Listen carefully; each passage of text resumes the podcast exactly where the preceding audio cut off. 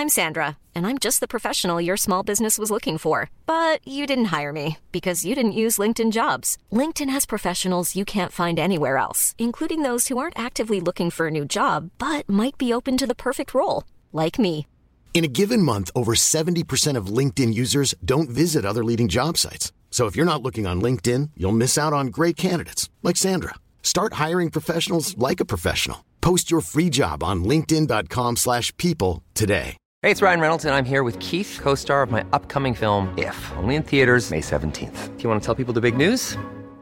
All right, I'll do it. Sign up now and you'll get unlimited for $15 a month in six months of Paramount Plus Essential Plan on us. Mintmobile.com slash switch. Upfront payment of $45 equivalent to $15 per month. Unlimited over 40 gigabytes per month. Face lower speeds. Videos at 480p. Active Mint customers by 531.24 get six months of Paramount Plus Essential Plan. Auto renews after six months. Offer ends May 31st, 2024. Separate Paramount Plus registration required. Terms and conditions apply if rated PG.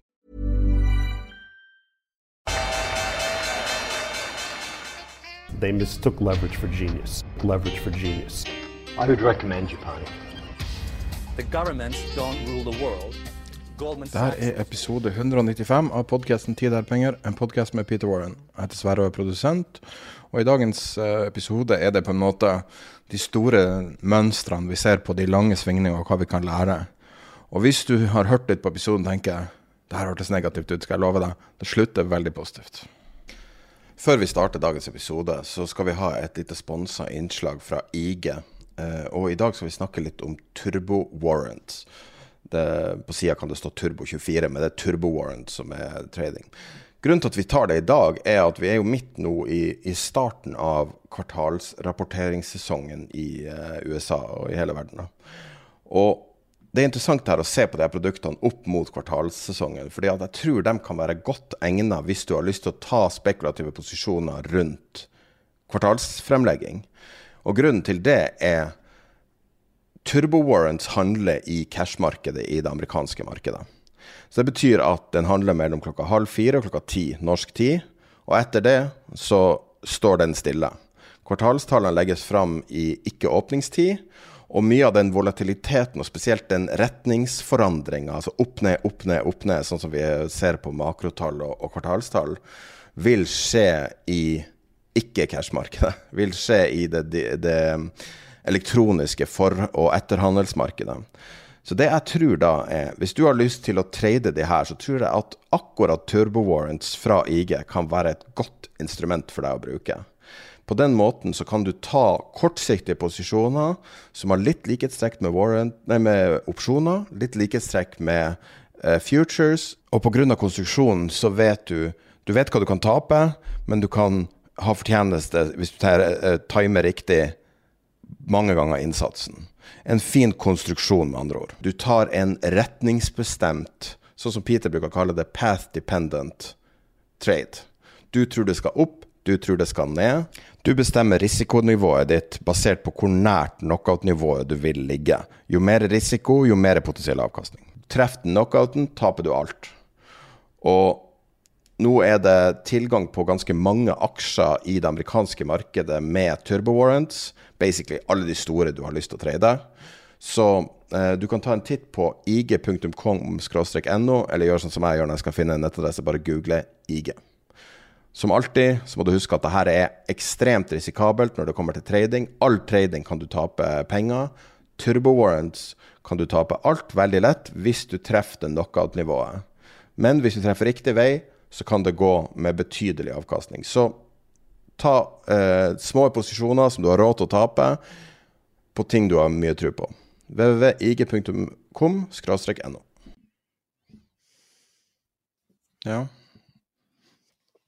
Nå har vi markeder som eh, kanskje oppfører seg ikke, litt, litt annerledes enn det vi har vært vant til. Um, rente og aksjer stiger samtidig. Oslo Børs er kjedelig aksjeoppgang rundt i verden. Litt action i bitcoin-markedet. Det er litt sånn Det er litt sånn annerledes marked enn det var i fjor.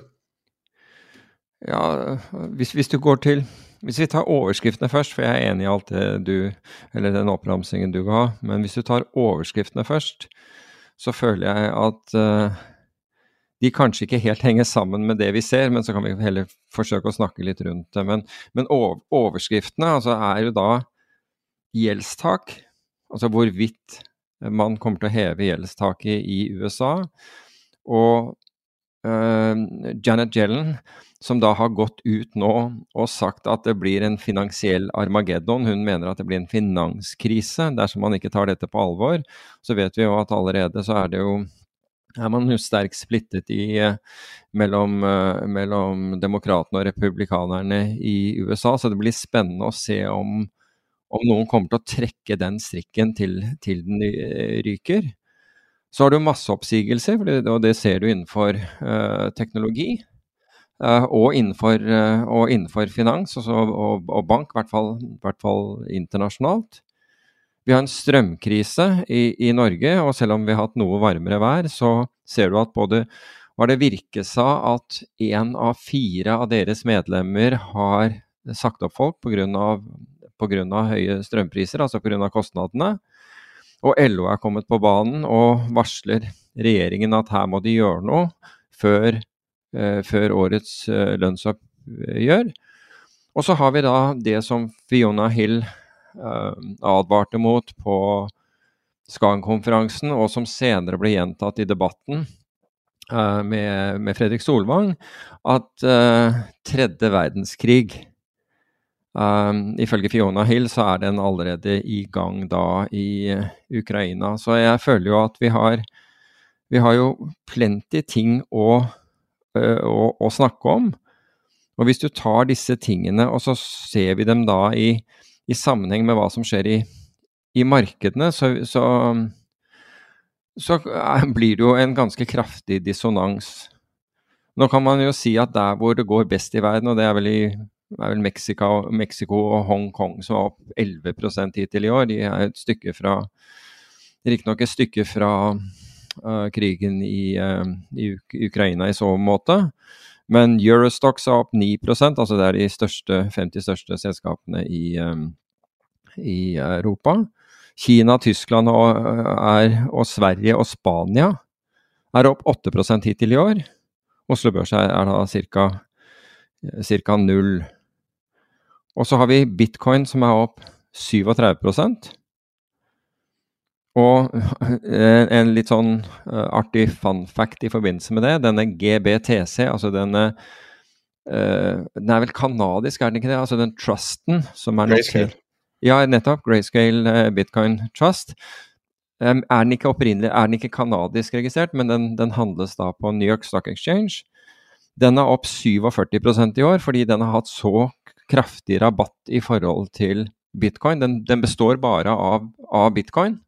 Akkurat som GLD, ETF-en GLD består av gull, så består Grayscale um, trusten av, av, bitcoin, men den har da gått fra å ha 50% overkurs for noen år siden til 50% underkurs for her er det ikke marketmaking som, som, som sørger for at den, eh, den, holder seg til verdien på, på, bitcoin. Og den er fortsatt handles den med en rabatt på 40% men den har da steget 47 eh, i år. Men jeg vet ikke om du ah, ikke, Fikk du med deg ben, hva som skjedde i, i, i oljemarkedet på, eh, på fredag? Hva tenker du på spesifikt? Kan du være Ja, bensinpriser. Uh, altså Tenker du på den diesel? Nei, nå tenker jeg på bensin. For nei, nei. på bare noen minutter så steg bensinprisen 23% Og du tenker på din lokale bensinstasjon? Det er helt riktig. Det er Shell-stasjonen. Shell-stasjonen i Fredrikstangs gate. Der hoppet bensinprisen 23 fra klokka ett til bare noen minutter over ett. Så den steg fra 18,63 til 22,89 kroner per liter. Men er ikke det bullish, da? Tenk deg hva det betyr. Nei, vet du hva? Det betyr at folk jobber på fredagen fortsatt. At de ikke drar hjem på torsdagen som før. Ja, det, det, det er et poeng. Det er et poeng, men uh, jeg tviler på at det Altså, hvis du, hvis du gjør en uh, Jeg tror det, det, er mer at, at det der ligger i, i, i genet til, til uh, bensinforhandlerne. Men tenk deg, altså hvis konkurransen hadde fungert Tenk deg at du kan tjene Altså i dette øyeblikk altså, Tenk deg hvis du tok halvparten, da.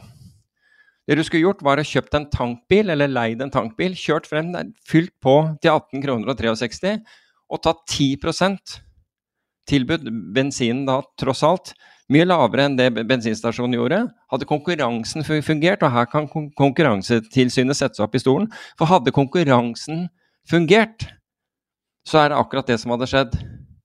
Noen hadde utnyttet det at de kunne få 10% på noen få minutter med å bare parkere en tankbil ved siden av, fylle den opp og så begynne å fylle biler. Jeg tror det her var et plottpoeng i TV-serien It's Always Sunny in Philadelphia. Jeg mener å huske at det gikk ganske dårlig med dem.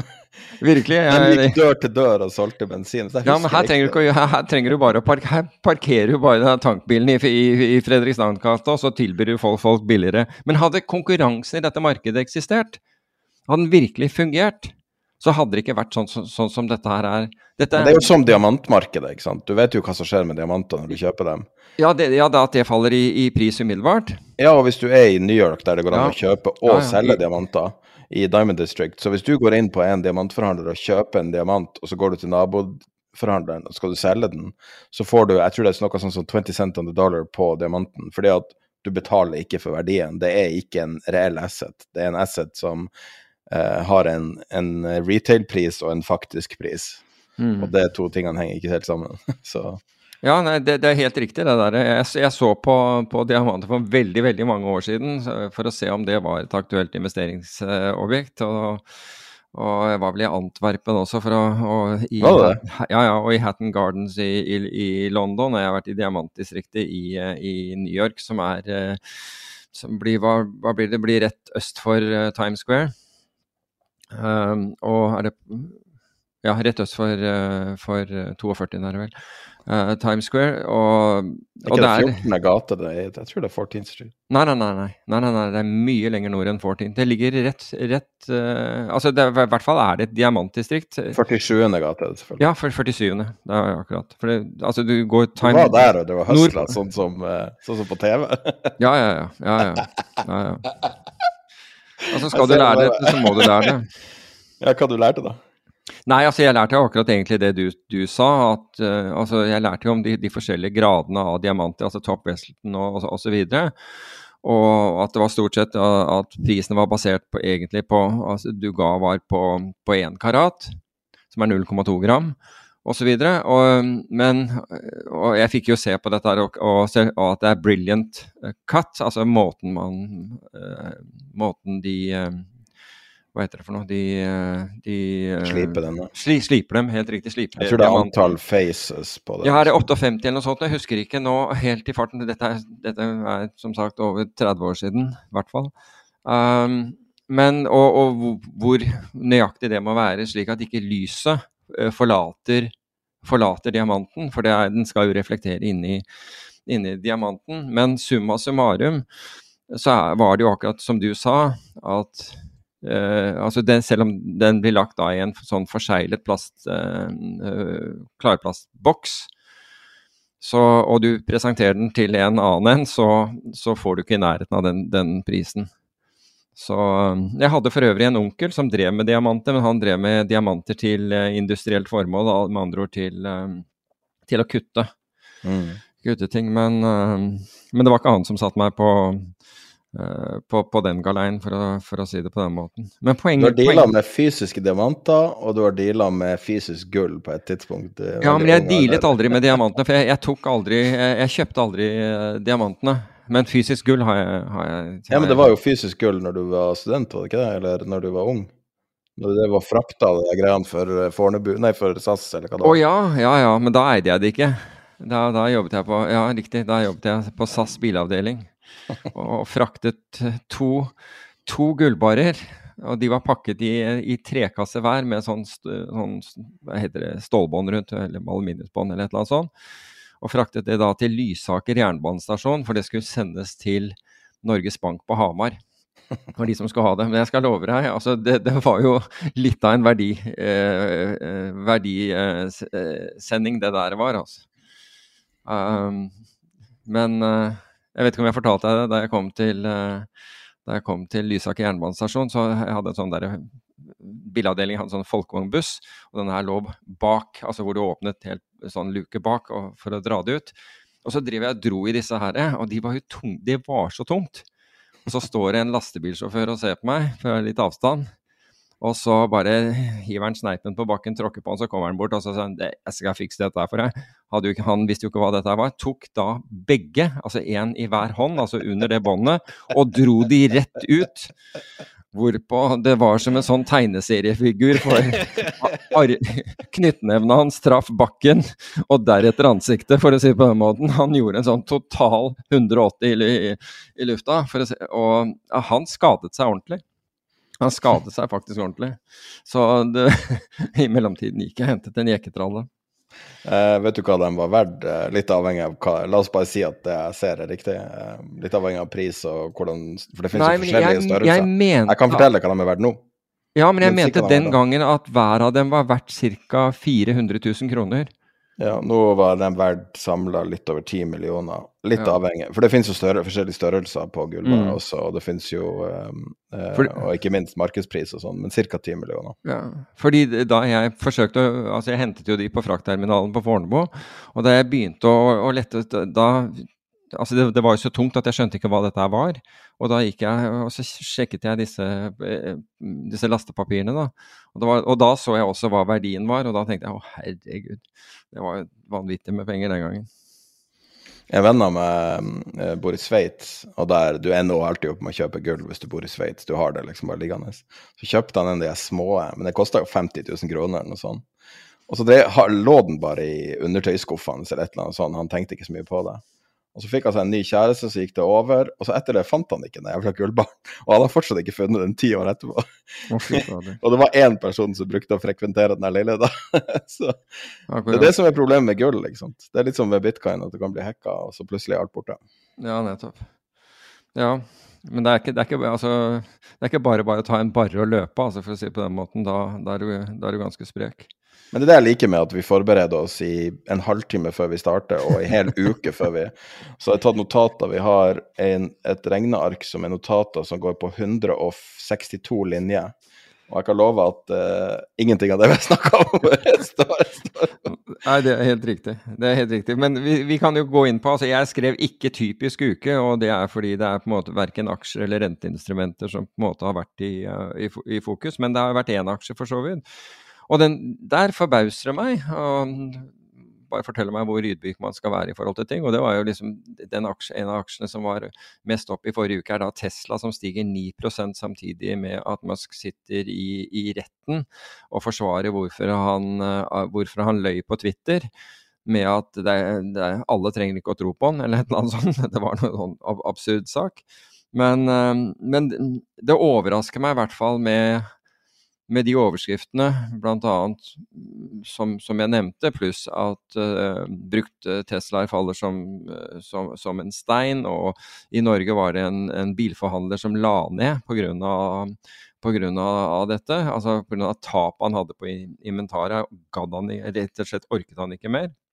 Og så går aksjen opp, uh, opp 9 Det forteller jo at ja, så, sånn, som ser, sånn, som jeg ville sett verden og, og, og, hva som faktisk skjer, behøver ikke, være, behøver ikke å være den samme. Men ellers så i karbonmarkedet, og der er det jo ETF-er på disse carbon-kredittene, altså disse karbonsertifikatene, de var opp, eh, de var opp 7 i, forrige uke, så en betydelig oppgang der. Og UK naturgass, i motsetning til annen naturgass fra andre land, var opp 6% og hvis vi skal se på jeg, taperlisten, så kan vi glede oss at nordisk kraft for levering i, i, i Q2 var ned 15% kull falt 9% Det samme gjorde amerikansk eh, naturgass, mens europeisk naturgass var ned 8% Så når vi hele tiden hører at det er eh, naturgass som driver de høye strømprisene i Norge, er jeg ikke helt enig i det, for å si det på, på, på den måten.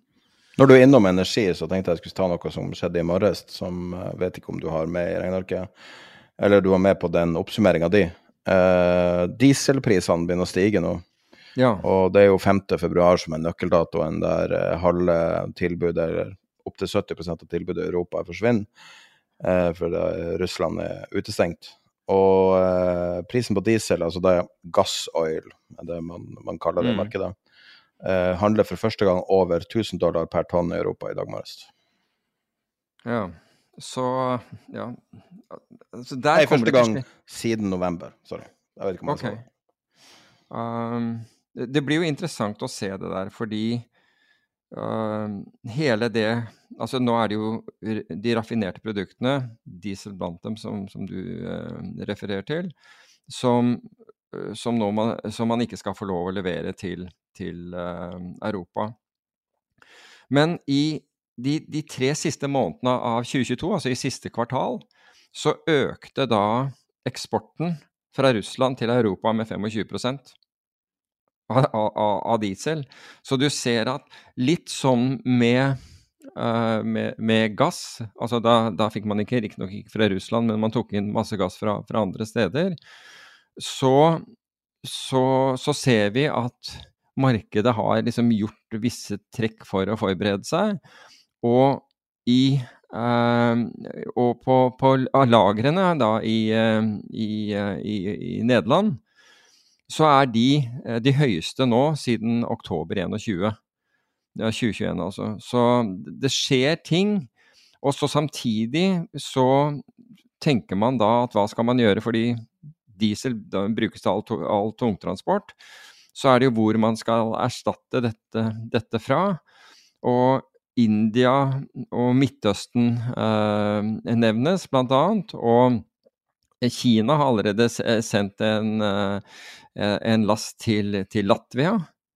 Så, så selv eh, Altså Kina, som da er nærmere eh, Russland enn en Europa i, i konflikten om Ukraina, eh, er villig til å selge, eh, selge diesel til, eh, til Europa. Er ikke det litt tragisk at vi en, nok en gang forflytter forurensning til fattige land? Jo, Fordi at det er jo ikke en tilfeldighet at vi ikke har massevis av dieselraffinerier rundt. Det er jo fordi det er skitten faenskap. ja. Og det her er veldig politisk upopulært. Litt sånn som med resirkulering, der man har sendt store mengder materialer til Kina i mange, mange år, og nå er det over. Men jeg vet ikke. Jeg syns det, det gir en stygg smak i munnen å bare se at, som du sier, at de her landene der man, man bare dumper forurensning på dem. Jeg er enig. Altså, jeg tror at øh, Men for, for at ikke maskineriet i, øh, i Europa skal, skal gå i stå, så er det vel den der øh, 'nøden lærer fanden å spise fluer'. Gir meg ikke, en hel, ikke så mye mening, den setningen egentlig for meg, men, men som gjør at man må prøve å få tak i diesel der man kan få det, rett og slett.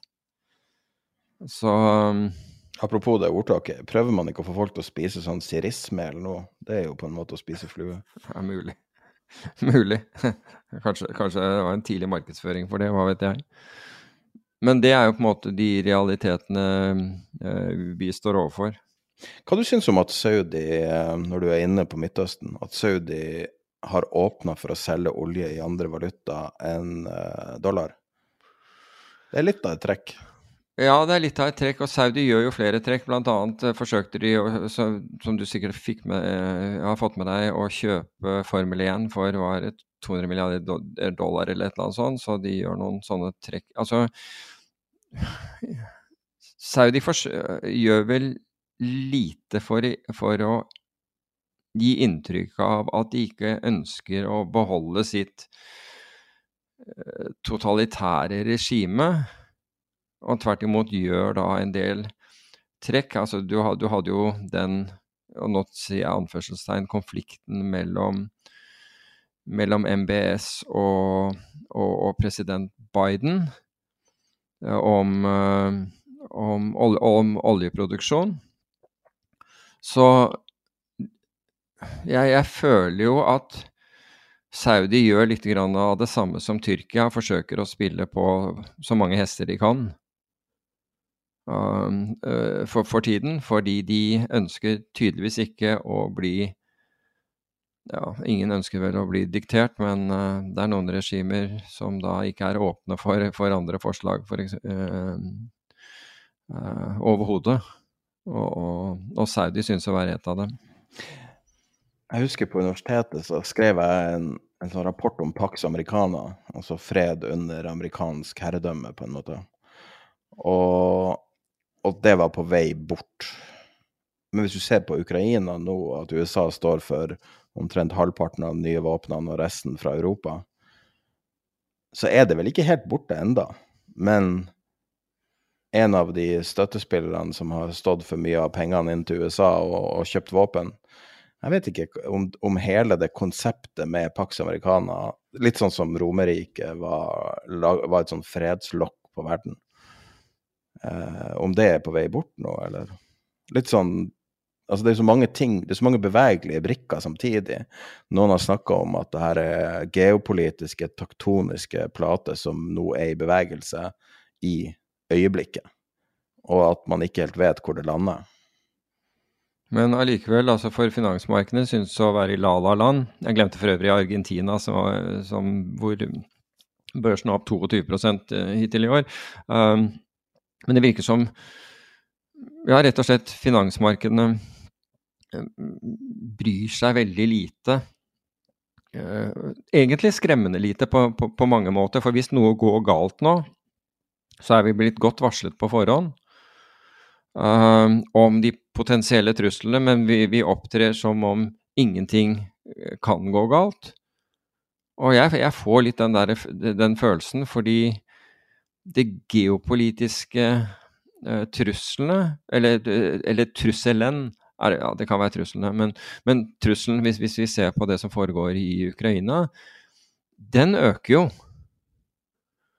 Um, og det som ble sagt av uh, Fiona Hill, og som er også sagt av, uh, av, andre, nemlig at det er egentlig Altså tredje verdenskrig enten er i ferd med å starte eller er i gang. Det, ba, den, det er bare slik at den utkjempes på foreløpig, får vi, og vi får håpe at det, at, uh, at det begrenses til det, uh, ukrainsk territorium uh, er en realitet. Og vi apper jo på en måte hele Altså Én ting var, var, for Ukraina å, å forsvare seg, og det har man jo klart å gjøre, men man har ikke klart å gjøre det uten at uh, Russland har annektert store deler, eller i hvert fall hva er det, ca. 20% av no, noe mindre, kanskje, hvis du, med, hvis du, også tar med Krim, uh, av landet. Og det er uakseptabelt. Du har en nabo her, nabo av bl.a. Norge, som da kan finne på, etter forgodtbefinnende, å bare rykke inn i et land og si at dette er vårt. Og hvis man skal tillate det, så, altså, og, og, stimulere rundt det, og det er på mange måter det man mente eh, skjedde da Russland annekterte eh, Krimhalvøya, det var vel i 2014 hvis jeg ikke tar feil, og at det ikke ble reagert hardt mot det. Og det gir da Putin inntrykket av at ok, Vesten lar meg gjøre dette her. Jeg er så mektig at jeg kan få lov til, til å gjøre det, og, og de de gjør ingenting med det. Det blir litt retorikk, men that's it. Og det minner igjen om liksom Saddam Hussein også i forbindelse med Kuwait, som mente han hadde sagt fra til amerikanerne, vi, den amerikanske ambassadør, ambassadøren i Bagdad, at han kom til å eh, invadere Kuwait. Og fikk ingen motargumenter og tok det som en aksept for at han kunne gjøre det, og ble da ekstremt eh, overrasket da man slo tilbake. Det er en veldig interessant sammenligning du drar der, fordi at det er kanskje den likeste konflikten vi har ja, med dagens. Ja, e egentlig Det er i hvert fall den, hvert fall den jeg finner som, uh, som, mest relevant, da. Og Men i dette Altså, når du fikk aksept for å gjøre det altså hvis, hvis Irak, eller Saddam Hussein, hadde Hvis man ikke hadde reagert på at han tok Kuwait, så er det jo ganske sikkert at han ville tatt noen andre områder etterpå. Uh, eller andre land. Så uh,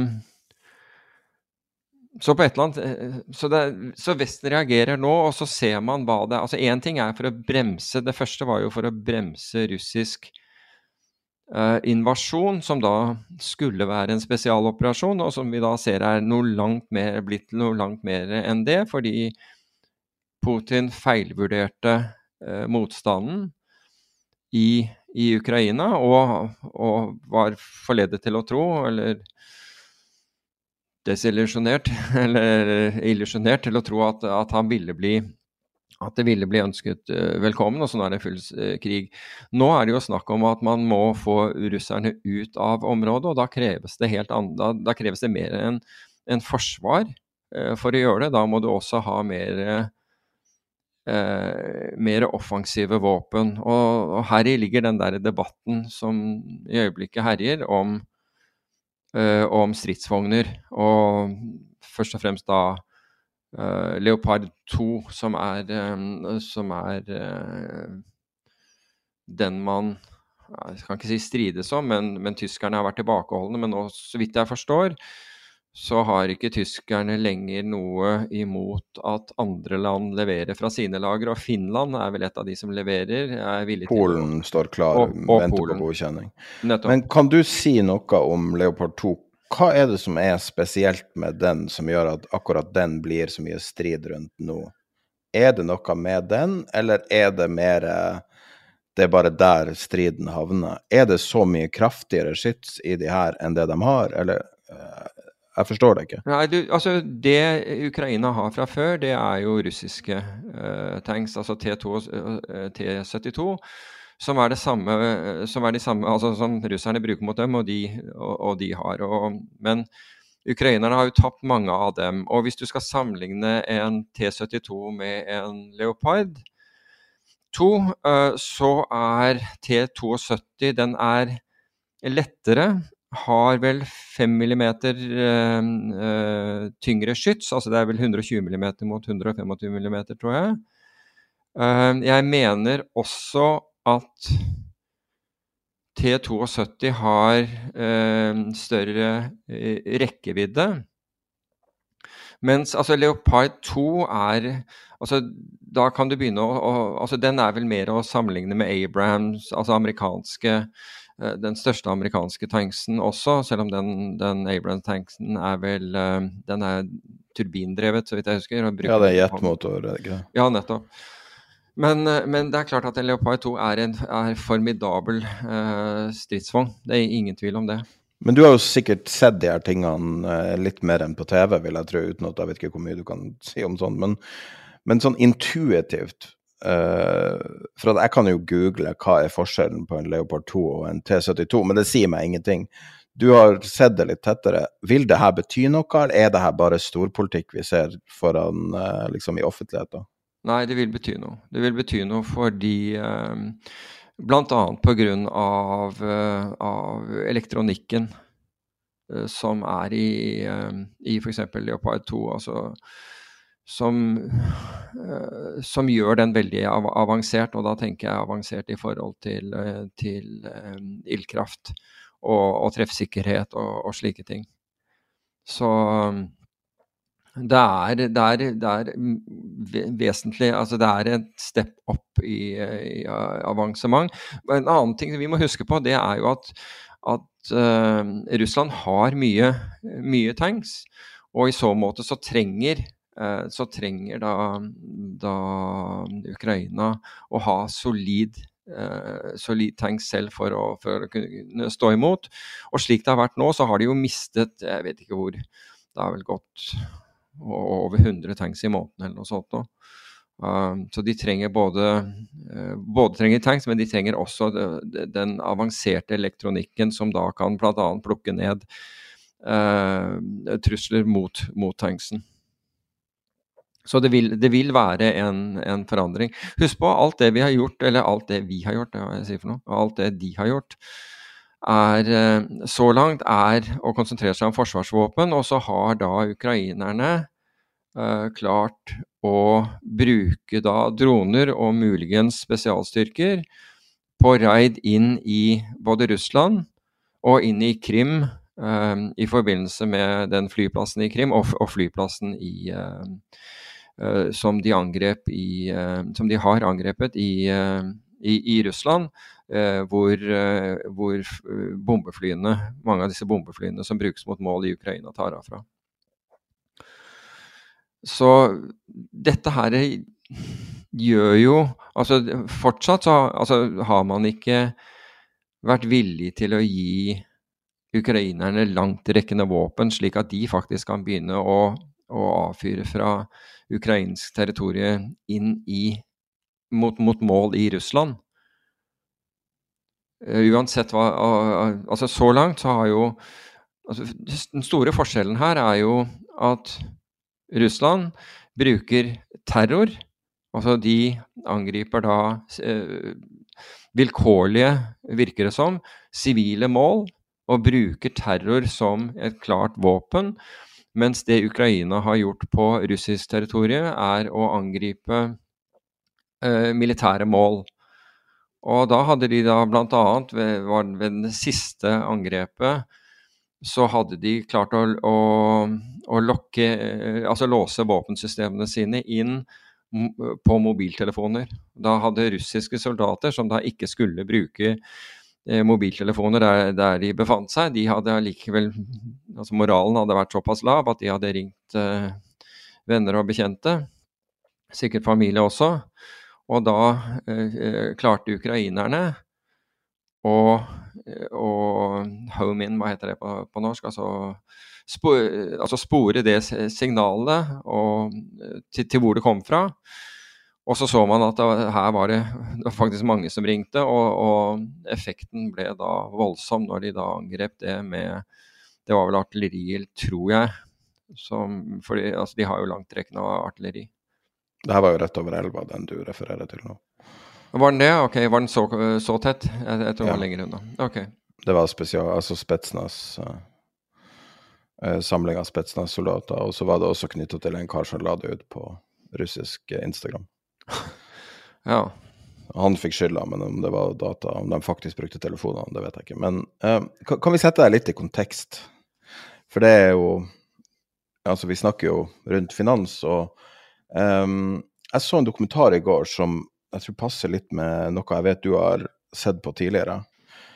Jeg trodde jeg visste alt om uh, den verste flyulykka uh, i, i, verdenshistorien på Rod, Tenerife i 1977. Der to fly, to um, jumbojeter, kjører inn i hverandre. Og det er en ganske sånn interessant uh, på en måte, analogi, føler jeg, overfor det vi ser på som helhet, helhet av markedet nå. Der du har snakka om uh, for, for, lenge siden i podkasten om uh, cascading causality, var det ikke det du kalte det? Compounding causality. Compounding causality, ja. ja. Og det som skjedde i 1977, 27. mars, var at uh, det var mange fly i lufta på vei til Kanariøyene. Altså eh, eh Las Palmas flyplassen. Deriblant en Pan Am fra USA og en KLM fra Nederland. En eller annen lokal eh, terror... Eh, altså en sånn liten terrororganisasjon detonerer ei bombe inne på Las Palmas flyplass og truer med flere. Las Palmas må stenge flyplassen, sende alle flyene til Los Rodos på Tenerife, flyplassen Los Rodos. Mm. Og det er en liten flyplass som ligger spesielt til, ligger høyt til. Mye, det er mye skyer der. Eller det oppleves som tåke, men fordi det ligger så høyt at skyene blir til tåke. Og, um, og, de kommer inn på en relativt vanlig dag, og, og det er kaldere og, og, dårligere vær. Så denne lille flyplassen er plutselig stappfull av fly. Så har du den der ene hendelsen som i, i denne sammenligninga kan være f.eks. Ukraina. da, Altså en, mm. en, urelatert hendelse som da forårsaker et bakteppe. Og så blir de her flyene stående på flyplassen, og så er det masse ting. Det er personlig arroganse, en stor faktor. Det er tilfeldigheter knytta til drivstofffylling. Det er eh, tilfeldigheter knytta til om folk blir funnet på flyplassen eller ikke. Det er tilfeldigheter knytta til regelverket i KLM. Det er masse, masse tilfeldigheter som mm. compounder hele tida av trykket det er tilfeldigheter knytta til tre meter klaring mellom to fly, som, som, er akkurat for lite, så de tør ikke å ta sjansen. Og noen følger sine regler, noen følger andre regler, og så kommer tåka. Mm. Og så er det dyktige folk i tårnet. Alle er dyktige.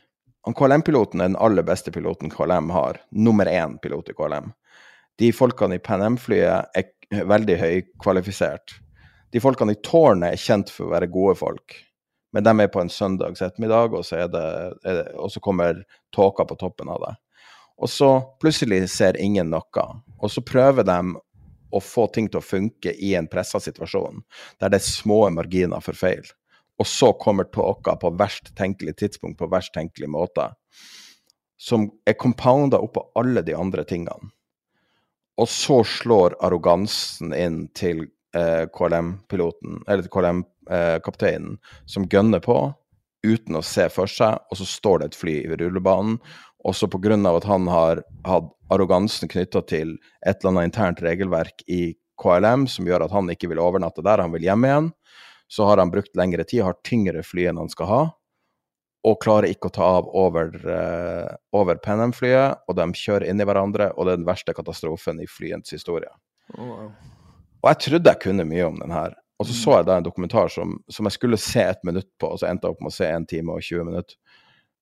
Og, og det, det, var bare så For når jeg så, så Det menneskelige er bare helt for jævlig. Å se folk som liksom bare sånn Ei dame gikk av flyet fordi at hun skulle likevel tilbake til Tenerife. Og så alle andre ble om bord på flyet. Og det var den eneste som overlevde. Sånn der type ting er bare helt grusomt å se på. Men hvis du ser bort ifra det, hvis det går an, da, og så tenker du på dagens marked så følte jeg at det var så mange overførbare ting i det her, med et bakteppe. Og nå, i går kveld, kommer nyheten fra Wall Street Journal som uh, mange i markedet ser til for å se hva Fed kommer til å gjøre. Og det er han, uh, han Timiros som, som, bruker å skrive de sakene.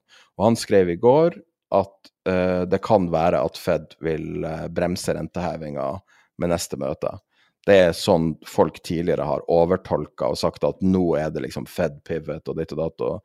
Og uh, Financial Times skriver liksom i anførselstegn Fed pivot i dag, når de linker til den saken. Og Det jeg lurer på, syns du det er overførbare eh, Også alt du snakka nå om geopolitikken i bakteppet, ikke sant. Er det overførbare lærepenger her? Er det, er det her at det, det cascader oppover og oppover og blir mer og mer verre? Eller er spenninga tatt ut fordi at vi hadde et børsfall med rente, eh, renteoppgang i fjor? Altså jeg, det korte svaret er at jeg tror det er noe å ta med seg. Fordi den faktoren som du nevner nå, nemlig at vi hadde et børsfall og en renteoppgang i fjor, den er jo egentlig en, en faktor og ikke en Altså, det er jo ikke en, en release som gjør at, at problemet nødvendigvis er mindre. Eh, tvert imot. Altså det handler jo også om hvordan du bruker den. Du kan bruke det fallet til å si at hvis, hvis den kom som julekvelden på kjerringa uh, på deg, så kan du si at der lærte jeg noe. Um, den burde jeg ha sett komme. Hva kan jeg gjøre for å bli bedre uh, i, i, i, fremtiden? Og jeg ser det var senest nå i, i helgen, så var det en annen som en eller annen, eh, en annen dyktig forvalter som, som tapte mye i fjor, som sa at liksom han var forferdelig irritert over det. Og, og, det er bra. Den første innskytelsen er jo det å være på en måte ta det til, til seg selv og, og være eh, nedfor og lei seg eller forbanna på seg selv. Neste er jo å snu det til hva er det jeg kan lære av det. Og er det slik at fordi vi har hatt et fall ett år, at vi kan utelukke at vi får et fall neste år? Nei, overhodet ikke. Så det er den ene. Den andre jeg ville sett på da, er er det usannsynlig at man får et fall i år, gitt det som foregår. Og så begynner du å trekke opp alle de tingene som, som, vi snakker om her. Og som i tillegg så kan du se at man eh, Faren for at man nedjusterer eh, inntjening. Eh, bedriftene, altså økonomiene, sakker av. Og det gjør de jo virkelig, det er ikke, det er ikke noe, noe, tvil om det. Altså det er en eh, hast, Hastigheten, altså veksten, avtar. Og så begynner man, altså Når man begynner å ta disse tingene inn, så vil man se at jo, it is compounding. Det er flere og flere ting her. Men the compounding effect er kun uh, farlig når vi ignorerer den. Hvis vi tar den til oss og sier, vet du hva, og jeg tror det er, og dette er bl.a. forklaringen på hvorfor ikke det, og du, det, det, var et spørsmål som ble, uh, som, som, som, ble stilt meg i forrige uke. Nå husker jeg hva, hva, det, hva, det, var. Jeg bare lurer på om vi skal ta det her fordi det hører inn i denne, i, i denne samtalen. Hvor det var en som sa, fordi vi hadde snakket om bl.a. dette med, med VIX, at ikke uh, volatiliteten gikk til værs. og, og og han, hadde, han sa er det riktig å oppfatte at liksom opsjoner ikke virket i fjor? Og svaret på det er absolutt ikke, fordi opsjoner virket. Det var bare at vi fikk ikke den volatilitetseksplosjonen som vi har fått tidligere. Men opsjoner beskyttet ut uendelig mange porteføljer i fjor fra, uh, fra, fra kursfall ned mot, ned mot 20 og, og, og mange, mange, verre.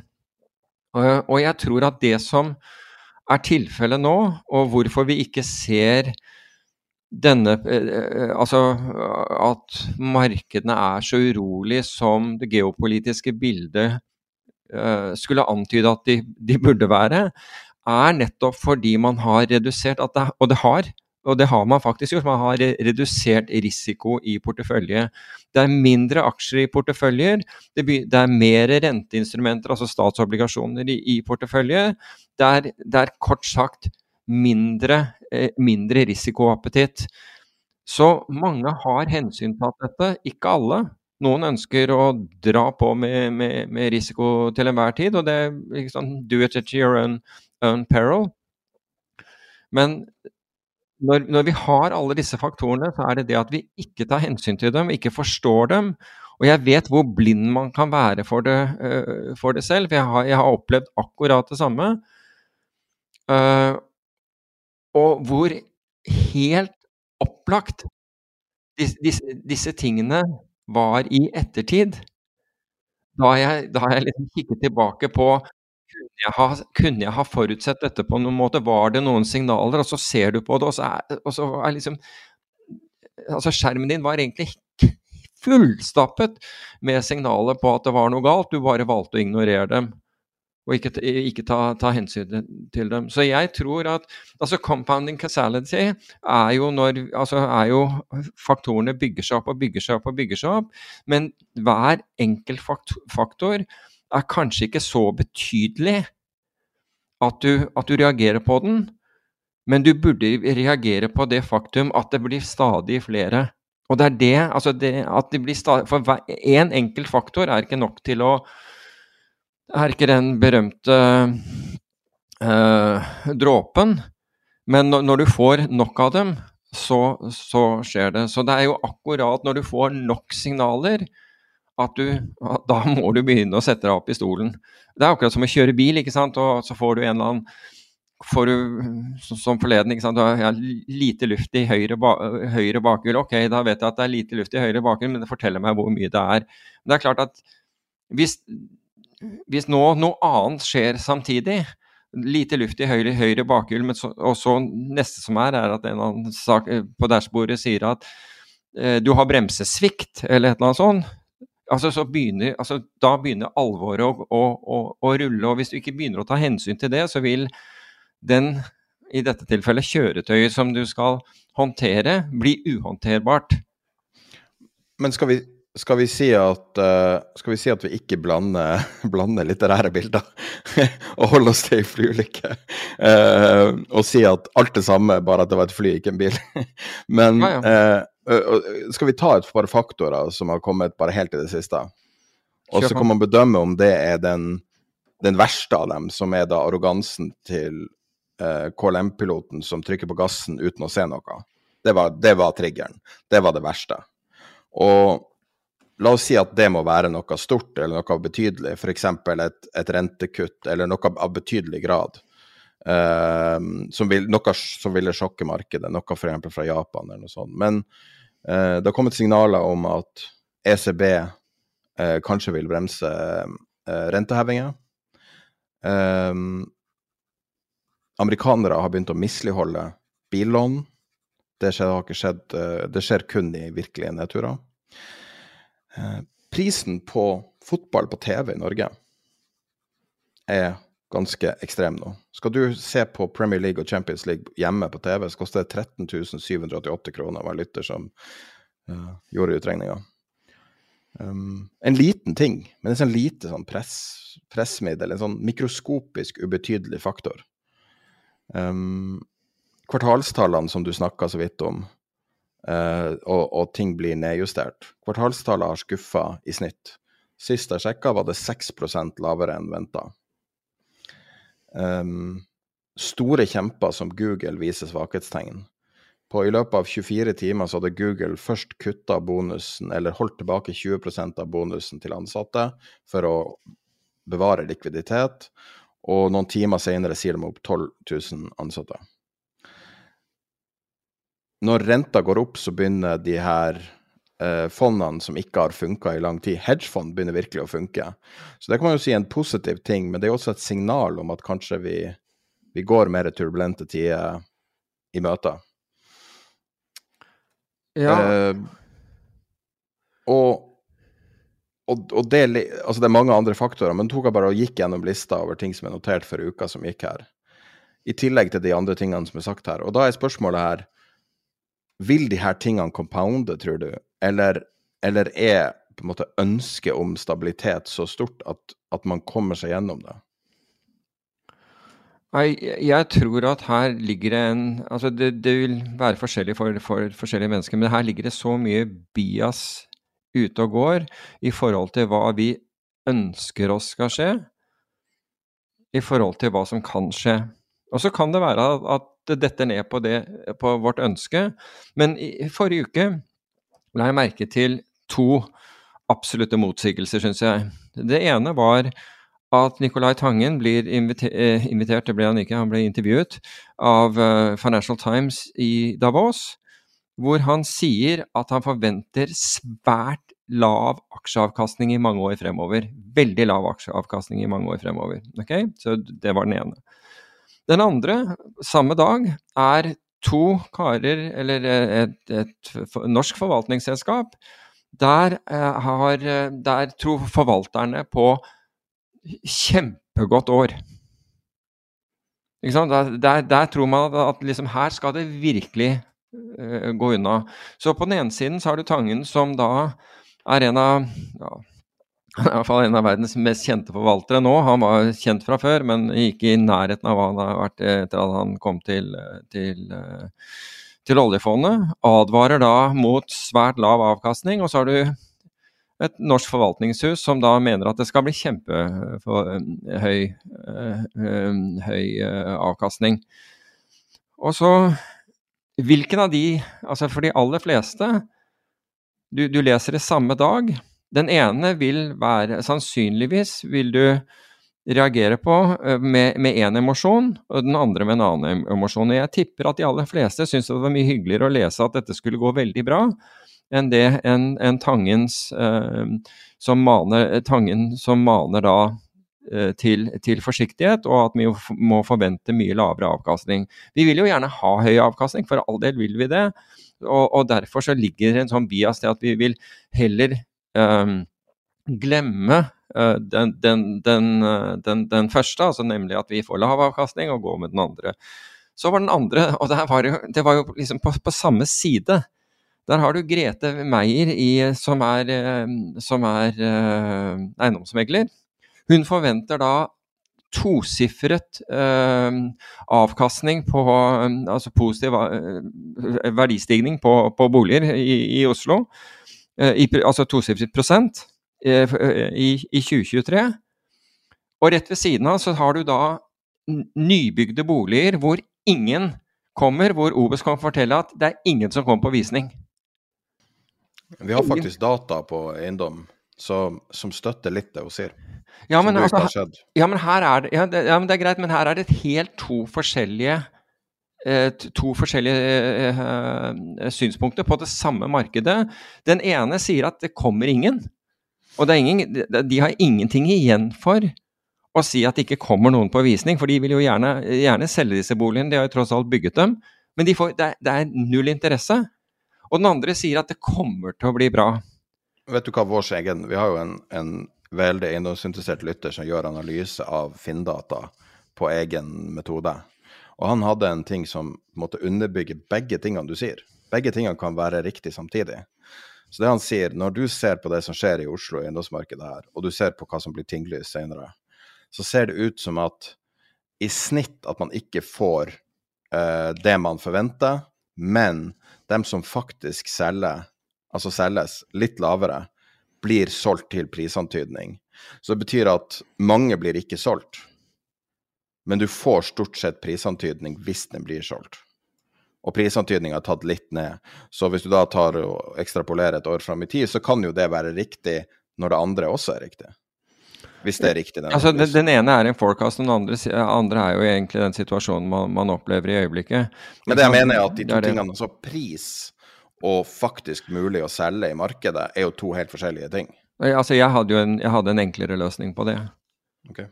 Ja, Det var at Obos burde engasjere Grete Meier til å selge boligen deres. Ferdig. Case closed. Kan være at hun er flinkere. Ja, da, da liksom bom, så var, det, så, var, så var, det, gjort. Og så bare skru opp prisen. Så har du gjort det der. Men er Men det kan jo være at hun er flinkere. Ja, det kan godt hende. Det er ikke umulig. Det er ikke Nei, absolutt Men, men, men, eh, men altså, det, det, var den motsigelsen som den ene sier at det er fantastisk eiendomsmarked, og den andre som sier at det er ikke en kjeft som kommer på visning. Det, de to tingene var, var, liksom Det var et Men det ene selger brukte boliger, den andre selger nye boliger. Ja da, og hvis men, du ser i USA. KB Homes i USA har 68 kansellering. Mm. Det er en stor boligbygger i USA. 68% To av tre som har kjøpt uh, en ny bolig, forlater den i byggeperioden. Altså vil ikke gjennomføre kjøpet. En av, av avisene husker, Nå husker jeg ikke hvilken det var, ellers så vil jeg, vil jeg uh, kreditere dem med det. Men jeg hadde da regnet på det, og det er jo ikke vanskelig å regne på dette her, men i hvert fall hadde funnet ut at for en familie som hadde 5 millioner kroner i boliglån, så var da utgiften deres gått opp med 7500 kroner per måned. Det er betydelig. På toppen av det kommer, kommer, eh, kommer, strøm. Og på toppen av det kommer matvarer som skal gå gjennom taket i Norge, bl.a. pga. strøm. Så, og at alle disse Altså, all denne Altså, det må, må jo sies at hvis jeg vet ikke når man må tilbake i tid for å finne en tilsvarende kostnadsøkning for husholdningene i, i, Norge, men jeg tror det må langt tilbake. Men hvis det er slik at den ikke demper forbruket, nemlig at folk kan bare begynne å by opp og, og vil gjerne by tosifret uh, i, i, prosent høyere for, for å få seg et formuesobjekt, da er til, da er det ingen grunn til å stoppe renteøkningen, for å si det på den måten. Det, det, det må jo være det beste argumentet for at renteøkningen fortsetter. Hvis, hvis en så inndragende effekt av folks likviditet som det har vært, og nå, nå har jeg ikke engang begynt på skatter og avgifter Jo, men er du sikker på at det er samme produktet du snakker om? Ja, men det, det er de samme pengene. Altså, ja, men det er ikke samme produktet. Det ene er privatmegleren som selger bruktboliger i det øverste segmentet. Det andre er nyboliger. Ja, ja. Det er mange dynamikker. Jeg tenkte vi kunne ta det neste episode kanskje og snakke litt om nyboligmarkedet og hvordan det fungerer. Så jeg har sett ganske mye på det i det siste. Kult. Og jeg er ikke helt sikker på at det er nøyaktig det samme at eiendom er eiendom. Jeg og jeg tror at brukt eiendom kan ha større verdi. Sier, det kan godt hende at du har rett i. Det, det, altså, og du, du, må gjerne fremføre argumentet. Jeg skal høre på det. Jeg sier ikke at du tar feil på det, jeg, bare som et utgangspunkt. Men utgangspunktet mitt er at vi er inne i en periode hvor eh, den husholdningenes tilgjengelige kapital er blitt voldsomt redusert. Um, så de, de, pengene du har til forbruk, til å gå og kjøpe deg biler eller hus eller leilighet eller hva du vil, ferie for den saks skyld, har blitt mindre. Og hvis den ikke har blitt mindre hvis det er, hvis, altså, og, og, kom gjerne med argumenter for, for, det også, men hvis det ikke har skjedd, da er det i hvert fall ingen grunn til at Norges Bank skal stoppe, stoppe rentehevinger. Det kan jeg fortelle deg. Har de ikke stoppa? Nei, den er Var ikke det siste avgjørelsen stopp? Det var at man, Nei, det var ikke en stopp. Det var at man, at ville, at man skjøv det ut til mars. Noe som jeg syns var helt riktig, tatt i betraktning at vi har data, både nasjonalt og Jeg vet ikke om jeg kan gå så langt som å si globalt, men i hvert fall i veldig mange land, som tilsier at inflasjonen har nådd toppen. Og da er det jo riktig også, og, og, og det er ikke en pivot, bare så det er sagt, nå, tilbake til det du, du nevnte om, uh, om, Fed. Det er ikke pivot at man setter opp enten eh, med, med, mindre inkrementer, eller avventer eh, over et møte for å se om nye data bekrefter det, man allerede har, det siste man har fått, eller om trenden, altså inflasjonstrenden fortsetter, fortsetter oppover det er, det er bare sunn fornuft. Det er ingen pivot. Tilbake til denne forferdelige flyulykka som brukes som et litterært bilde. Hvordan vil du si at Japan, som ikke lenger ser ut til å være så interessert i amerikanske statsobligasjoner altså bare for ordens skyld, Japan har vært den største uten, altså utenfor USA-kjøperen av statsobligasjoner siden 2013. Og nå har de begynt å redusere, og signalene er at de kommer til å fortsette å redusere, og kanskje ikke kjøpe. Hvordan vil det påvirke det her, basert på det totale bildet med de her, alle de her eh, cascading-eventene? altså, Bank of Japan-møtet som vi snakket om uh, forrige gang, det, det ga en overraskende konklusjon, egentlig. Og konklusjonen var at de ville ikke gjøre noe som helst, og de aller fleste hadde trodd at de ville gjøre noe. De kommer til å, å drive eh, de, det vi kaller yield uh, curve control. Altså de kommer til å kontrollere uh, rentebanen uh, kraftig gjennom, gjennom, gjennom inter intervensjoner. Og det gjør jo på en måte at Japan spriker fra resten av verden. Altså, i, Japan så har jo også altså, De klarte jo ikke å få inflasjon fra, fra de forsøkte etter, etter uh, markedskollapsen i 1990. Og, og, frem til nylig så har de jo feilet i alle forsøk på å få inflasjonen opp. Nå har de nådd 3% som selvfølgelig er en ønskedrøm for de fleste land, men som, som, skremme, men som allerede har begynt å skremme japanere av en eller annen grunn. Men Japan er i utakt. Og på et eller annet tidspunkt så, så, brister den demningen. For jeg tror ikke at Japan kan, selv med en så sterk eh, sentralbank som nå tydeligvis har, har, bestemt seg for å bli enda mer markert, altså kom, virkelig komme på banen igjen. Og vi har ikke sett dem på banen egentlig eh, på, på, denne måten siden slutten av 90-tallet. Så har de nå bestemt seg for å, å, å lage, liksom, sette, sette, tømmerstokker opp mot demningen i håp om at dette her eh, skal holde. I håp om da at, eh, at inflasjonen globalt antageligvis begynner, begynner, å komme ned. Eh, og at de, de skal slippe å foreta noen noe tiltak selv. Jeg tror at, denne, at, at demningen brister her før eller siden. Men japanerne er også så smarte. altså De eier jo såpass mye av sin egen gjeld, så det er vanskelig å og på en måte spekulere mot dem. Den muligheten du har, er jo egentlig i, uh, i valutaen. Uh, fremfor noe det er vanskelig Altså, jeg har tradet uh, JGBs, altså den tiårige japanske statsobligasjonen, men hvis du ber om opsjonspriser på dem, så er de brede og, og helt, helt, nesten helt håpløst å handle, i hvert fall, i, i hvert fall på, på, børs. Så jeg tror ikke at jeg tror at Japan skal flaks hvis de, hvis de, slipper unna med dette her. Altså. Fordi de er en del av den globale verden, de også. Og det kommer til å gi inntrykk. Og så valutaen er, er, der du kommer til å se, se dette her eh, mest, fordi det, det, er på en måte utløpet. Soltan i Credit Suisse har jo eh, vært veldig populær i de siste årene, for han har skrevet mye om eh, liksom eh, si, rørleggersystemet i Fed og hvordan det funker. og han har jo jobba i New York Fed og har mye erfaring. Han har eh, blitt litt mer sånn generell kommentator nå og har ganske kontroversielle rapporter. Han har lagt fram et par, og også skrevet en spalte i Financial Times som veld, var veldig kontroversiell. Og han tror at uh, i den siste nå, eh, var det før helga, jeg husker ikke, så, så tror han at USA skal innføre yield curve control uh, i løpet av året. At USA skal? Mm. Ja, da må han ha et vanvittig dystert syn. Han, uh, han tror at uh, alt går til helvete. Altså, ja, nettopp. Alle, Han ser ut som han driver og prøver å få omtale i Zero Hedge. altså, alt han skriver er veldig dramatisk, og litt sånn utypisk for han, egentlig. Så Ja, for, fordi altså mista litt respekt for de rapportene, for å være helt ærlig. Ja, altså dersom Altså dersom han skulle ha rett, så er det jo fordi det er, at det går rett og slett katastrofalt økonomisk. Um, eller finansielt. Altså en, en, en, av to, eller begge. Um, da Jeg tror ikke jeg, jeg, tror ikke Federal Reserve er engang på tanken uh, av, av, det, men det vil jo være the emergency backstop hvis alt annet Altså hvis, hvis det virkelig går til helvete. Men da, ha, da har vi et ordentlig Nei, nettopp. Altså, men da har, vi, da har vi et problem.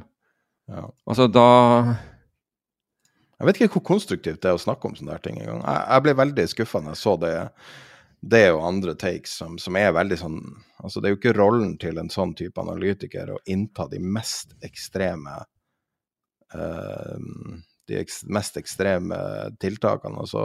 Ja, jeg er uenig. Altså, dersom man har en sterk overbevisning om det, så er det jo på en måte hans plikt også til å gjøre det, selv om man ikke blir uh, populær. Um, mens Men jeg mener jo at hans kompetanse er jo nettopp i detaljene med Fed. Så det er så rart. Det ser så rart ut. liksom. Men jeg, jeg tenker jo også at ansvaret til den som, som lytter da, til ham og, og andre, det er jo egentlig å sørge for at du beskytter deg mot de, liksom, det verst tenkelige scenarioene. Ikke sant? Altså, tilbake til compounding causality. altså Ha et lite øye på om, om, ting faktisk driver og bygger seg opp, men forsøke å, å, å sørge for at porteføljen din er robust nok til å tåle, tåle en, et virkelig uvær. da.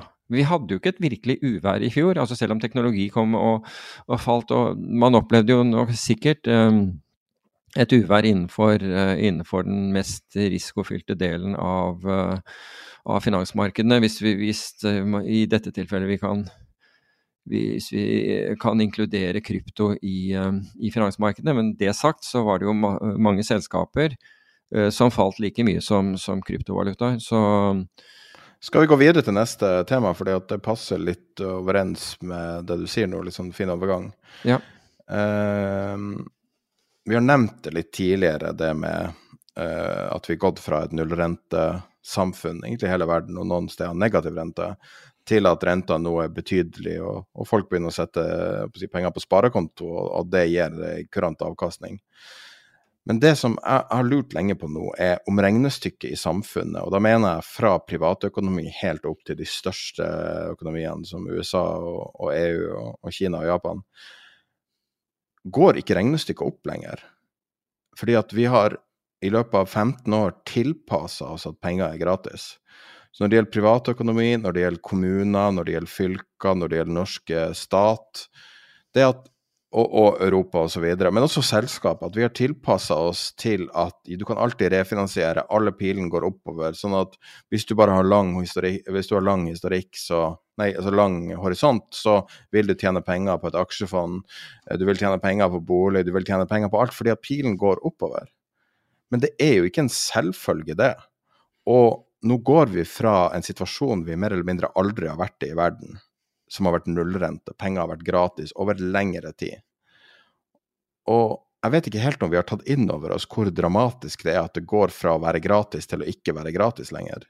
Og hvis man skal ta det her ekstreme resonnementet til det ekstreme ytterpunktet, så kan man jo si at det på en måte ikke var et børsfall i fjor. Det var kun en reprising av cash. Og når du sier at krypto, som mange mener er liksom på, på ytterste ytterkanten av risken, Eh, fortsatt ikke var nødvendigvis det som falt mest i verdi. Der ting falt sånn omtrent det samme, og det falt omtrent i takt med en reprising av cash, på en måte. Sånn at hvis du da bare repriser den diskonterte cashflowen, så er det omtrent samme pris som det var på inngangen av året på utgangen av året. Det er jo det ekstremargumentet. Jeg vet ikke om, om, man kan si altså Jeg vet ikke om det går an å gjøre den argumentasjonen, men som et tankeeksperiment, kanskje har vi, Går regnestykket opp i samfunnet, eller gjør det ikke det? Altså, jeg, jeg, tror at vi at vi bedrev selvskading når vi når, Altså, eller da eh, da penger fikk uh, hadde null, null rente. Eller som du sier, negativ rente. Det er en form for selvskading uh, som, som, skjer der. Altså hvis det, det gjøres i et en veldig veldig kort periode, det er en annen sak, men stort sett så Men det var ikke det som var tilfellet her. Vi holdt eh, likviditeten høy, og renten veldig, veldig lav i, i, lang tid, og da mister man Da er det ikke mulig å regne risiko. Det, altså, du får ikke beregnet risiko ut, ut, ut, av det, fordi igjen, penger koster ikke noe. Og likviditet er mulig å få tak i. Så, så har det Altså ja, det har skadet oss. Har det skadet oss permanent? Nei, fordi jeg tror at altså, jeg, jeg, er på en måte bullish på vår, vår evne til å, å, overleve. Og jeg tror av og til at vi må gått ned i kjelleren uh, for å, å, å, finne tilbake igjen til uh, der vi burde være. Fordi vi har ikke lyst til å, å, endre vaner. Det er vanskelig å endre vaner, og spesielt de som har vært veldig eh, komfortable. Vaner å ha, altså at du får gjort akkurat det du ville gjøre hele tiden. Men så jeg altså det, det, blir ødeleggende fordi Og det ser du også i retorikken. altså det, Retorikken om uh, det derre å Denne her analogien har jeg brukt flere ganger, men den er relevant. altså Det, det begynte liksom med at folk som har sittet i lang tid i aksjer altså, ingen, altså Hvis du har hatt uh, indeksfond eller, eller hatt en bred portefølje, så, så, har du ikke tapt, tapt penger over tid. Og, og, er, og, og jeg kan være med på den. Men så begynte man jo å redusere den tiden. Og så ble det redusert til ingen har tatt penger som har sittet i ti år, og så var det fem år osv. Og, så og så har vi redusert det der nedover. Og til slutt så har du ikke inntrykk så har du, Eller så har du inntrykk at ingen har tatt penger som har sittet på aksjer i mer enn fem, mer enn fem minutter. Det er liksom garantert å få gevinst. Men dette er den risikable delen av en bedrifts kapitalstruktur vi snakker om, og hvor bedrifter feiler. Hvor, og det, hvor det er naturlig at noen feiler. Og det fikk vi da se til monn på Euronext Growth. Og da, altså der ser du hvordan vi har liksom lullet oss inn i et tankegods som sier at dette her er, det er ufarlig, det, jeg bare sitter på det. Å, det har falt 40% Ok, det er kjedelig, men det kommer jo opp igjen. Jeg snakket med, med noen her rett før, før jul, og var det, det, var jo alltid riktig å bare bli sittende, for det kommer jo alltid opp igjen. Altså, flyr ned 99 og andre selskaper ned 96% 80% Tenk hva det skal til for at det kommer opp igjen. Ja, kanskje det kommer opp igjen, men det, altså, sannsynligheten for at det altså opp til der det var, skjer i min levetid, er, er, er, er lite sannsynlig. Men det er, også lite, det er også heller sannsynlig at du må oppleve noen istider imellom for at det der skal skje. Så når vi Når vi luller oss inn altså Fordi det er igjen, dette har med psykologi å gjøre, har null med økonomi å gjøre. Men når vi luller oss inn i en sånn fase hvor, av komfort, hvor det er Hvor alle utfordrende tanker kan bare skyves vekk. Alle verdsettelser kan bare skyves vekk, for det, det går sikkert bra. Så er det eneste, det eneste som tjener penger på dette, er mellommannsapparatet. Det er de eneste som kommer til å sitte igjen med penger at the end of the day. De andre kommer til å få en, en veldig ubehagelig overraskelse.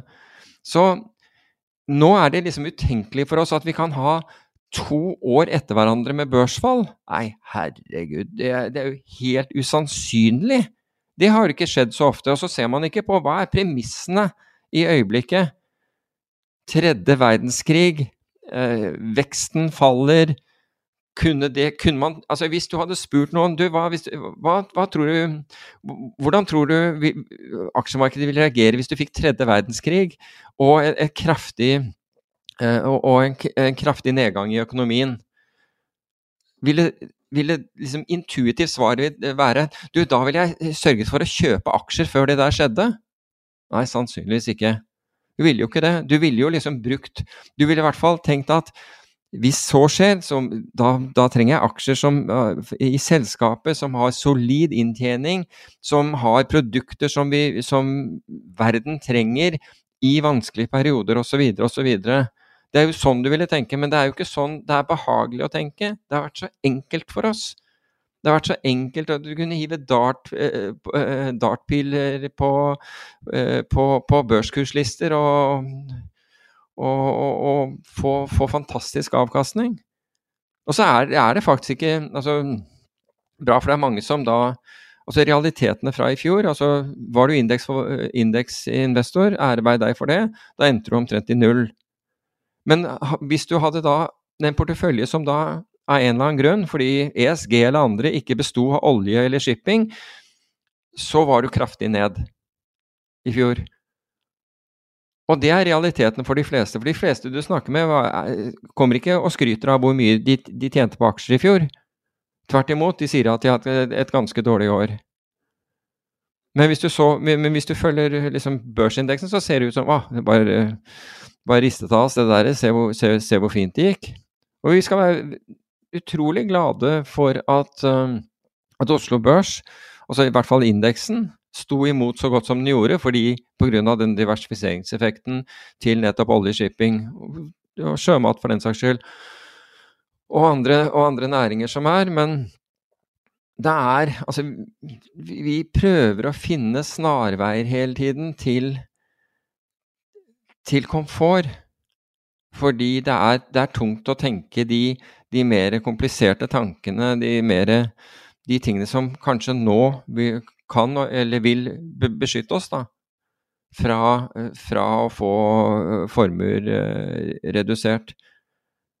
Så det betyr ikke at, det, altså, det betyr ikke at, det, at, verden kommer til å gå under. Altså, alle Altså Alle som befinner seg på planeten, må jo ha det håpet om at vil, noe eller noen vil ta til, til, fornuften her, og at vi går tilbake igjen til en periode hvor du har global synkronisering og global vekst, og landet lever i uh, uh, i uh, i hvert fall ikke i fiendskap med, med, hverandre. Men dessverre er situasjonen blitt endret, slik at vi har fått disse utfordringene.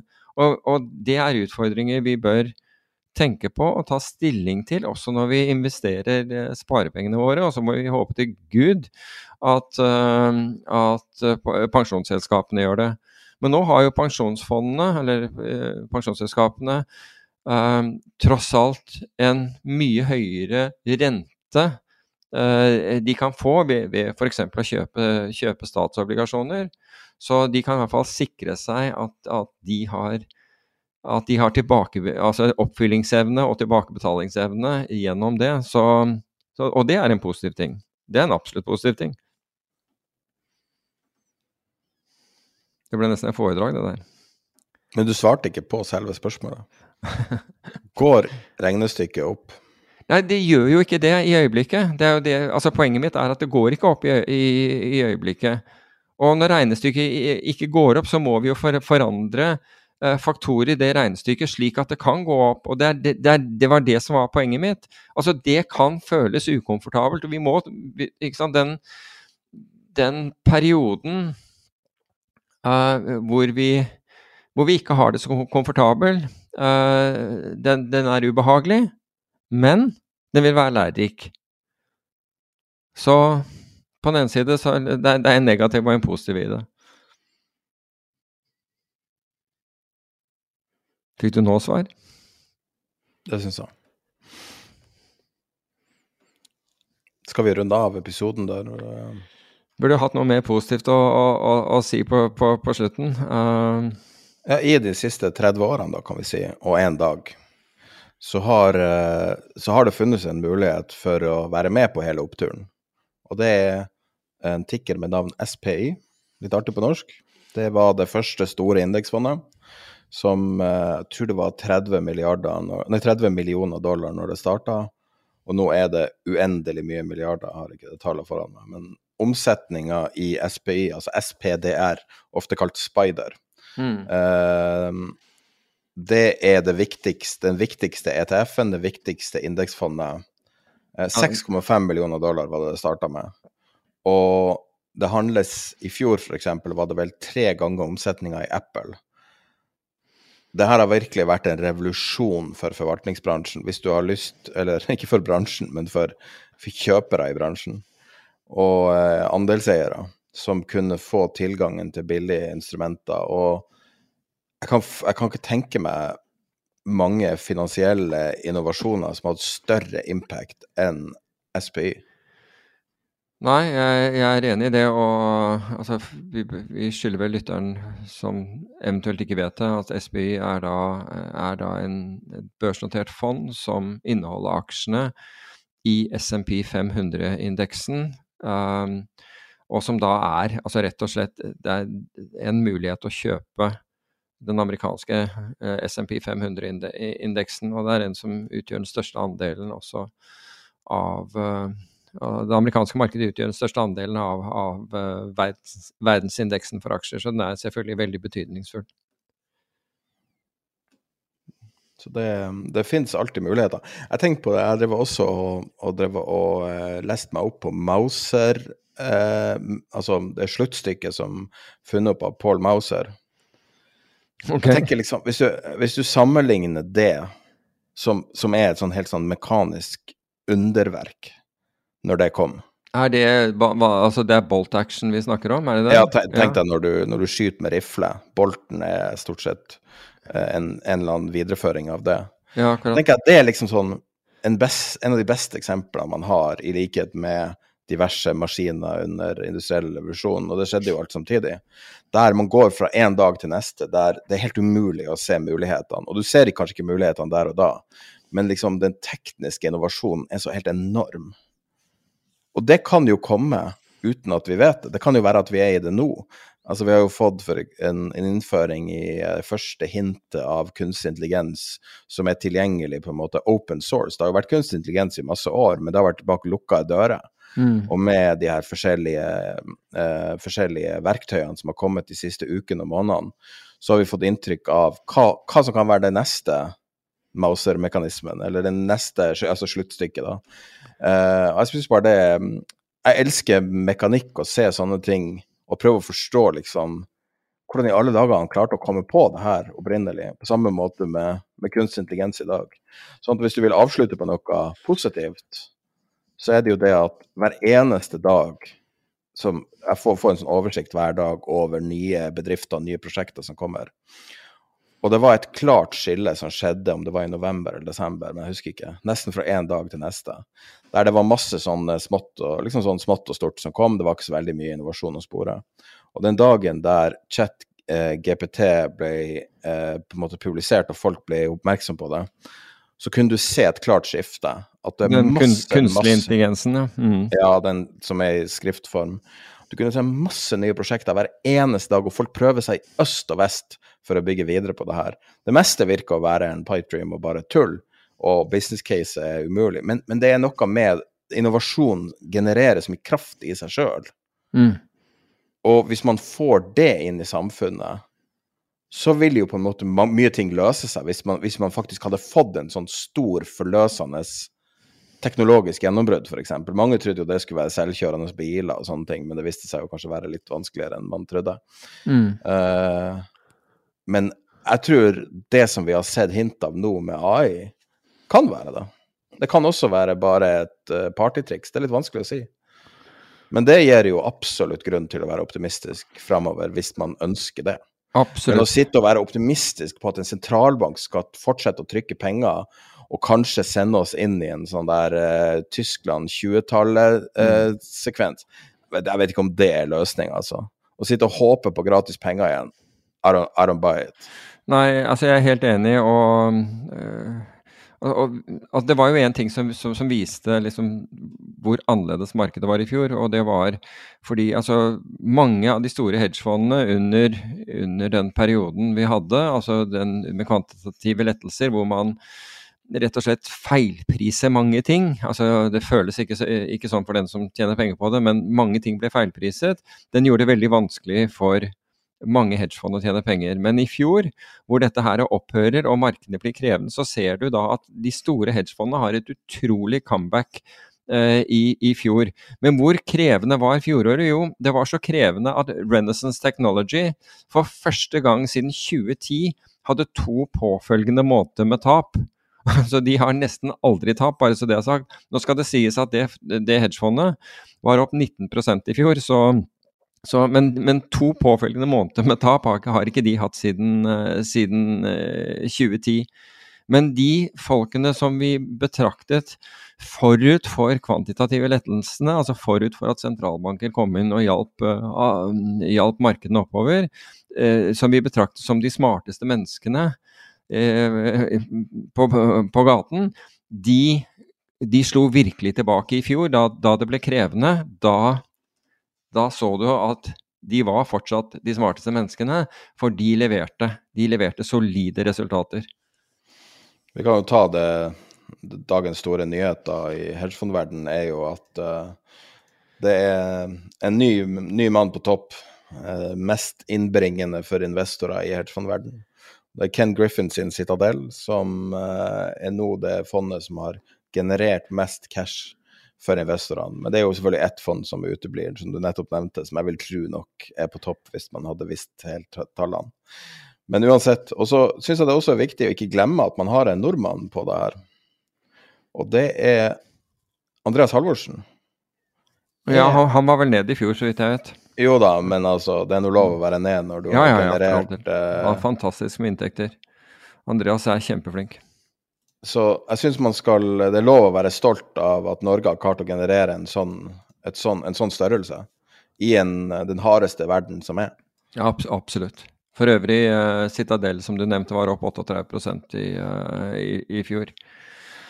Så, så, og det er da Han har da uh, Altså Citadel har da gått forbi Eh, både Bridgewater, som var til nå det, det, fondet som hadde tjent mest for sine investorer, og, og Soros sitt, uh, sitt kvantumfond.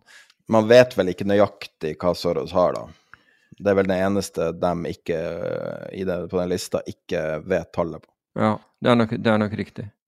Det er, det er, nok riktig, men han, nok, han, han, har nok vært mindre enn Bridgewater, så det at du har gått forbi Bridgewater, tilsier at du har kommet forbi Eh, kom forbi eh, Soros også i dette. Men, men, så, men, som du sier, så altså i, i, prosentvis avkastning så er det ingen tvil om at Renaissance Technologies, altså medaljenfondet, har den høyeste, har den høyeste avkastningen av noe.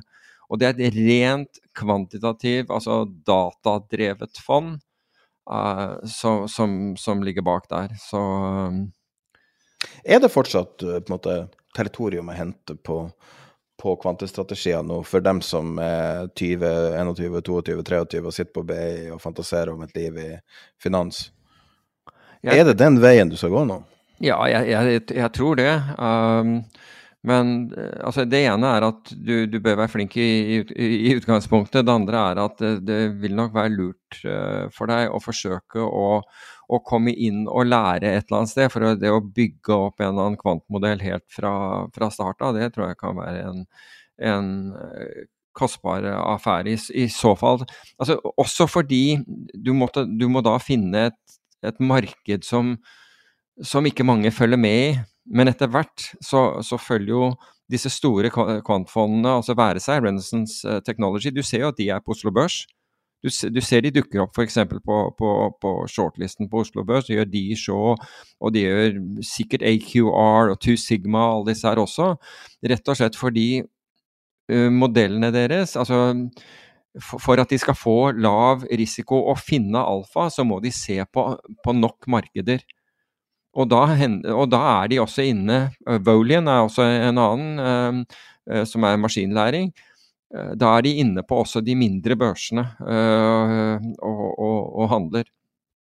Så jeg tror at øh, Altså at, at, teknologi er kommet for å bli, det tror jeg er, er utvilsomt. Men, men, det er stadig utvikling her, og, og, det er jo det som er spennende. Altså, da jeg begynte i finans, så var det egentlig vi følte at det, mye, at det var utvikling, men det var jo stort sett de som var gode på et eller annet tidspunkt, de, de forble på en måte i, i lederroller.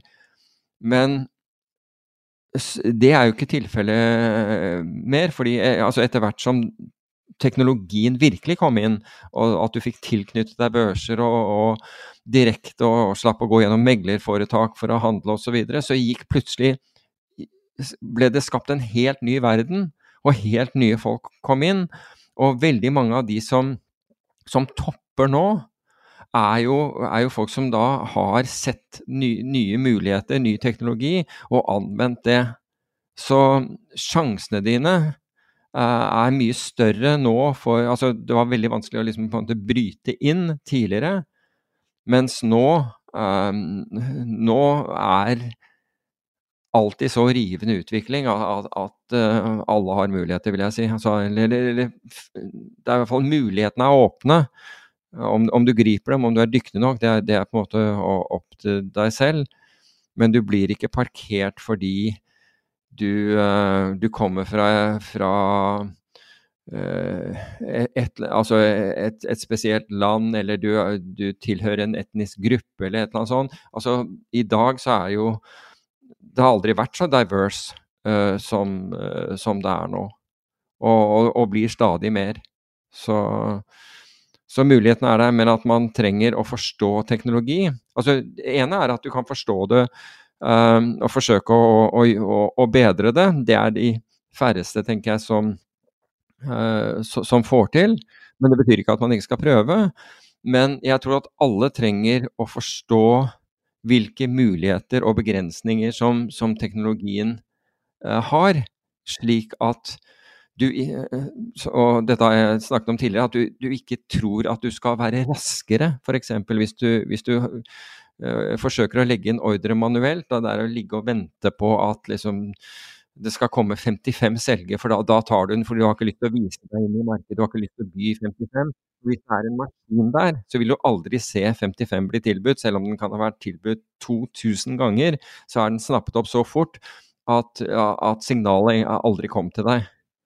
Um, så jeg tror det er viktig å forstå hvor, um, hvor teknologien er suveren, og, hvor, uh, og, hvor, mennesket fortsatt har en, har en, edge. Det tror jeg er essensielt for deg å forstå, ellers så kaster du bort mye tid. Men det er, altså, summa summarum så, er, så er, gis det bare nye muligheter. Ser du. Det var mulig å avslutte med noe positivt. Det gjør jeg. Ha ei en fin uke. Yes. Takk for at dere hørte på.